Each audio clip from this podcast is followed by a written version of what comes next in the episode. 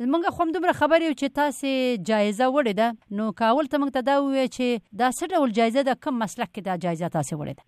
دا د ریاضي مسابقه ولا د کالج د دوم صنف سوي شاګردانو ترمنځ و په دغه مسابقه کې غالبا له وسونی ولې تر تاسو شاګردانو ته د ګډون بلنه ورکړل شوې و بیا ما هم په دغه مسابقه کې د هغوی دغه د ګډون بلنه ومنله او وروسته له مسابقې څخه خوشبختانه د ریاضي د مسابقې عمومي اول نمره. په دې اته سوه کسانو کې. وو. ښه دا اته سوه کسان ټول د دې سویډن وو که د خارج نه هم څوک پکې وو؟ نه خیر یوازې د سویډن شاګردانو په دې کې ګډون نه و کړی دې کې هغه مهاجرین چې پخوا سویډن ته راغلي دي البته د سویډن سیټیزنشپ لري د مثال په ډول د سوریه د سومالیا د عراق د ترکیې هم پکې ول او د افغانستان هم پکې ول ښه افغانستان نه یوازې ته وې که ډېر نور افغانان هم نه خیر له افغانستان نه د منګه هزاره ورونو هم ګډون پکې کړی یو تاجک ورونو هم پکې ګډون کړی یو مجموع شپږو نفر ول پکې د اوس خو د جایزه غ دی ویوړل کنه اول نمره شوې غواړي آینده کې ریاضي کې همداسې مخکې لاړ شي ماستری او پیجدي په ریاضي کې وکي پروګرام د څه دی خپله پروګرام خو مې دا د لا تر اوسه زما له دوه رشتو سره ډېره لګېږي چې یوه فزیک ده او بله د اقتصاد ده خا. نو ما لا تر اوسه قاطع تصمیم هم نه ده نیولی چې زه به فزیک ته ادامه ورکړم په پوهنتون کې که به اقتصاد ته ورکړم خو که د دغو دوو رشتو نه مې هر یوې ته ادامه ورکړه د ماستري او د دوکتورا په کچه به بیا دې ته ادامه ورکړم. ښه نو دې دوه مسلکونو سره دې ولې بیا شوق دی؟ دا څه خبره ده؟ د په وسیله به ته څه خدمت وکړي دنیا ته او بشر ته؟ دغه دوه رشتې ما د دوه دلیلونو په اساس باندې انتخاب کړي. یو خپله د ما د سي پیچیده مسایل ډیر خوښیږي چې زه یې حل کړم او یا په همغو کې مصروف واوسم او زه په دې باندې پوهیږم چې فزیک هم یو له هغو مضامینو څخه ده چې همیش په دې کې فکر ته ضرورت ده یا مسایل ډیر پیچیده پکې موجود دي چې هغه کې انسان ډیر مصروف ساتي او اقتصاد هم همدارنګه ده چې تقریبا ډیر ریاضي پکې پکاريږي یو خو مې په همدې دلیل انتخاب کړی ده چې د ما پیچیده مسایل ډېر خوښېږي چې په زندګي کې ورسره مخ سم او د هغو حل خپله راوباسم. دوم دلیل یې دا ده چې په افغانستان کې فکر کوم نظر نورو رشتو ته موږ د اقتصاد فارغین او د فزیک فارغین ډېر کم لرو نو فکر کوم که چیرته په آینده کې زه وغواړم چې افغانستان ته لاړ هم شم نو د دغو دوه رشتو له طریقه زه کولی شم د خدمت جوګه سمه ښه تر څویم صنف پورې دې په افغانستان کې سبق ویلی دی افغانستان کې مې تر نهم صنف پورې درس ویلی ده او دلته چې راغلم د کالج لومړي صنف څخه مې ادامه ورکړه زده کړو ته او اوس د کالج په دریم صنف کې یم ښه اوس بله خبره دا ده چې تاسو مخکې مو ویلې چې د ډېرو نورو ملکونو مهاجر خو تم په همدې مهاجرو کې راغلی کورنۍ سره دی فامیل سره دی راغلی که څنګه راغلی نه خیر تنها راغلی یم فامیل می اوس هم په افغانستان کی ده. نو یوازې څنګه راغلې ته دلته هغه مهاجر پایسته؟ یوازې قاچاق لارو باندې راغلی. ښه دغه دوه تیرو کلونو کې چې دا د مهاجرو لړۍ شروع شو او تقریبا یو لک افغانان د افغانستان نه د رپورټونو له قراره خارج ته راغلل او بیا جرمني ته زیاتر راغلل دغه مهاجرو په سلسله کې راغلې؟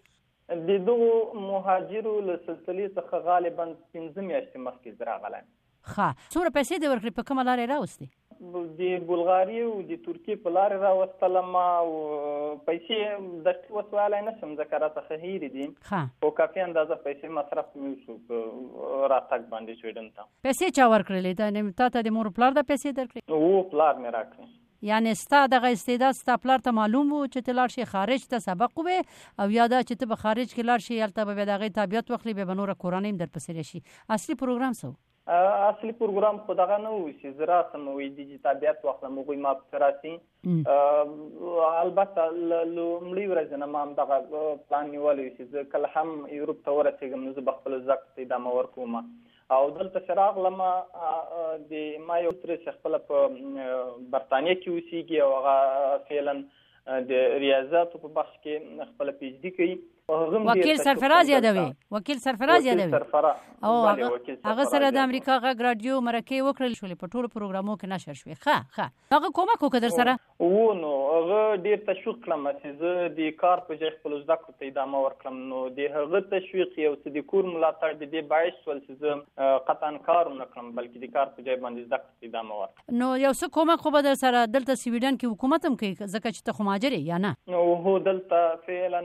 لکه مالي ملاتړ چې د ما کوي، هغه د سویډن حکومت یې کوي. د زده کړو په بهیر کې. نور د سې ضروري مصارفو لپاره بیا فامیل او کاکا د در سره کومک کوي. نه خیر د هغو کومک ته ضرورت نه لرم ځکه د سویډن حکومت کافي اندازه کومک ما سره کوي چې هغه د ما د کور مصارف او د خرچې نور مصارف مې کیږي. البته د زده کړو مصارف مې ټول دوی راکوي. ښه یوه بله مسله ده د مهاجرو مثلا نن سبا ډیره غټه مسله ده اوس هم د مهاجرو لړۍ لا ختمه نه ده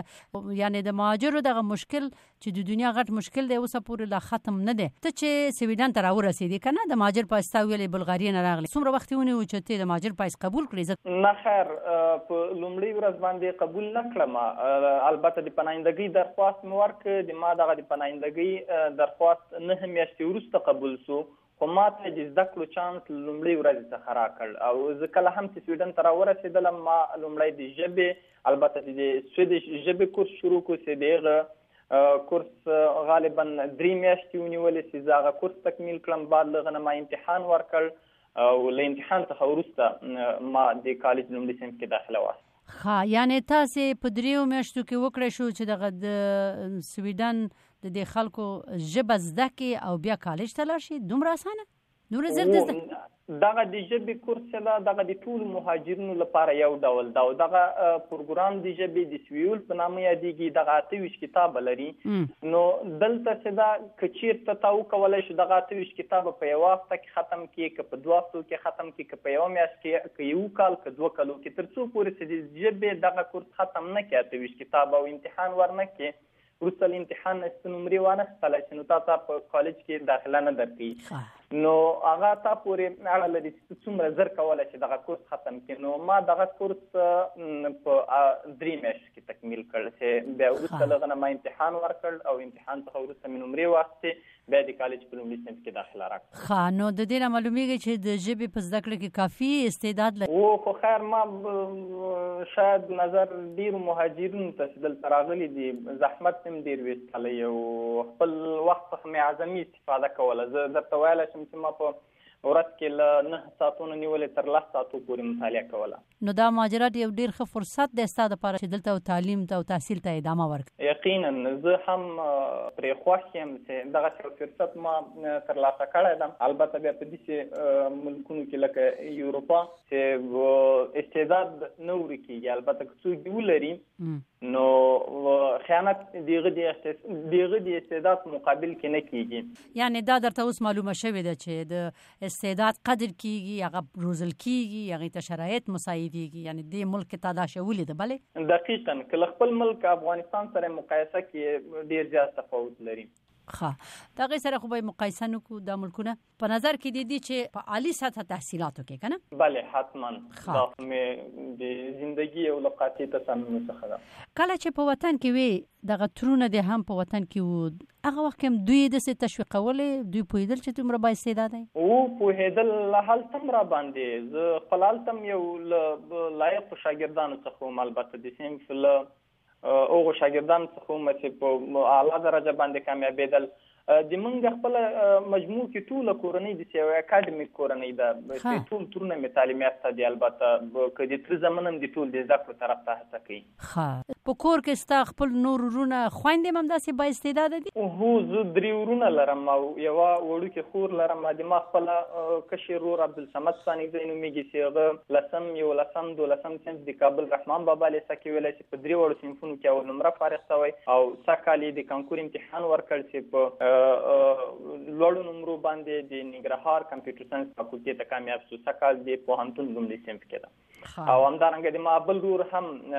فعلا په لوګر ولایت کې عملته مکتب وایي چې د یو لسم صنف متعلم ده او یو لسم صنف تکمیلېدو د هغه هم همدارنګه لکه د ما د هغه بل رور په ډول باندې د سیم فعول نمره ده نو کافي و خو لري سبق خو وایې صحیح ده مګر ژوند کې خو ډېرې نورې خبرې هم دي مثلا کور کې خو به دې شاید ډوډۍ نه پخوله کور کې به دې شاید کالي نه وینځل دلته دا نور کارونه دې څنګه کیږي ټول دې داسې تقسیم اوقات دې برابر دی څنګه چل د غو لپاره مې خاص تقسیم اوقات برابر کړی ده په هفته کې یو ځل خپل کالي مینځم د غرمې ډوډۍ خپل کالج کې هلته تیار ته پخ شوی راکوي خو د ماښام ډوډۍ بیا ما ته را لغړ ده چې خپله ځان ته دیګ کوم نو بعضې وخت بیا هوټل کې تیاره پخ شوې ډوډۍ خورم البته د پیسو په بدل د سویډن ډوډۍ ګانې خو به د وطن د ډوډۍ ګانو سره ډیر فرق لري نو د خپل کور په ډوډۍ پسې خو به خپه نه خامخا دا خو طبعا طبیعي خبره ده چې سړی خپه کیږي خو دلته سویډن کې که وغواړو په لاس باندې راځي خو په کوم ښار کې زه اوسېږم په دغه ښار کې البته نه په نورو ښارونو کې شته چې هغه ښارونه لوی دي خا. نو افغاني هوټلونه په کې شته چې افغانانو افغانان خپل هغه هوټلونه چلی او عربان هم تقریبا ډوډۍ له افغانانو سره ډیر تفاوت نه لري نو هغه ډوډۍ کو غوړو دلته هم پیدا کولای شي خا. یعنی مشکل نشته دی د درس او تعلیم سره نو ځکه تر اوسه پورې ښه موفق روان یې هو همداسې ده ډیره مننه تانه سرور ستانکزی صاحب خو پاول کوم تاسو ویلي چې کاکا دې ته ډیر تشویق کړي وکیل سرفراز صاحب دی وخود ستا بل تر هم هم دغه سي جایزه وړي د پاغه هم من خبرې و چې هغه سره هم خبرې کو سرور ستانکزی صاحب ډیره زیاته مننه او کامیابی دی غواړم مننه کوم خادم صاحب چې خپل وخت مو مونږ ترا کړو مونږ سره مواړی کوونی ولا اور دی ودان